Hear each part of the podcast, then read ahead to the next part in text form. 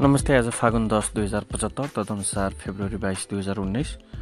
हामी गन्थन डट कमद्वारा सञ्चालित पोखरा न्युज पोडकास्टबाट उपस्थित भएका छौँ। गण्डकी प्रदेशका रेडियो कर्मीले प्रदेश सरकारका कार्यालय सञ्चालनमा रेडियोसँग सहकार्यको प्रस्ताव गरेका छन्। सामुदायिक रेडियो प्रचारक सङ्घमा आबद्ध रेडियो कर्मीहरूले मुख्यमन्त्री पृथ्वी सुब्बा गुरुङलाई भेटी सामुदायिक रेडियो पनि समाजकै लागि क्रियाशील भएकाले सरकार र रेडियोबीच सहकार्य गरी सरकारका कार्यक्रमहरू सफल बनाउन सकिने सुझाव दिए। सङ्घका महासचिव गोविन्द देवकोटाले प्रदेश सरकारले नीति तथा कार्यक्रममा सामुदायिक रेडियोलाई प्राथमिकता दिनुपर्ने माग गरे। अस्ट्रेलिया स्थित Australia institute of business and technology B I B एआइबिटीमा देखा परेको समस्याप्रति नेपाल शैक्षिक परामर्श सङ्घ क्यान कास्कीले गम्भीर ध्यान आकर्षण भएको जानकारी गराएको छ। संस्थाले शुक्रबार विज्ञप्ति जारी गरी कलेजलाई बन्द गरिदिने Australian quality Australian quality authority को निर्णयबाट कलेजमा अध्ययनरत नेपाली विद्यार्थीहरूमा पर्न गएको समस्याप्रति ध्यान आकर्षण भएको विज्ञप्तिमा उल्लेख गरेको छ।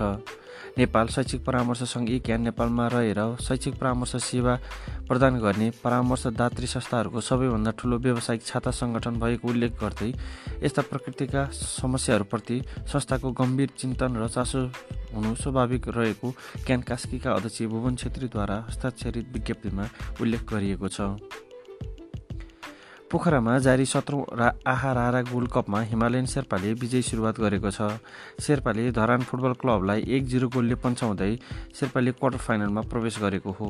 सारा क्लबको आयोजनामा शुक्रबार भएको खेलमा हिमालयन शेर्पाले निर्णायक गोल गर्न एक घन्टा बढीको समय लगायो।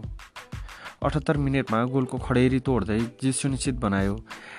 प्याट्रिक प्याट्रिक प्रिभाट गुहाको क्रस बललाई त्रिवे त्रिदेव गुरुङले डाइभ हेड गर्दै गोल गरे जुन गोलले शेर्पालाई खुसियाली दिलायो दिलाउन पर्याप्त रह्यो। उनको गोल नै खेल जिताउने एक मात्र टर्निङ पोइन्ट बन्यो। इन्जिनियरिङका विद्यार्थीले नतिजा सन्तोषजनक नआएको भन्दै पोखरा विश्वविद्यालय तोडफोड गरेका छन्। बुधबार मात्रै प्रकाशित सिभिल इन्जिनियरिङको नतिजा अप्रत्याशित भएको भन्दै उत्तेजित विद्यार्थीले विद्यालय तोड विश्वविद्यालय तोडफोड गरेका हुन्।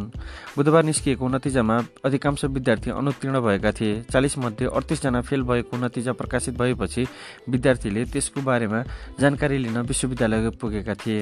विश्वविद्यालयमा विद्यार्थीसँगै विश्वविद्यालयका रजिस्ट्रार कन्ट्रोलर लगायतका पदाधिकारी हराएपछि उत्तेजित विद्यार्थी तोडफोडमा उत्रिएको विद्यार्थी नेताले बताएका छन्।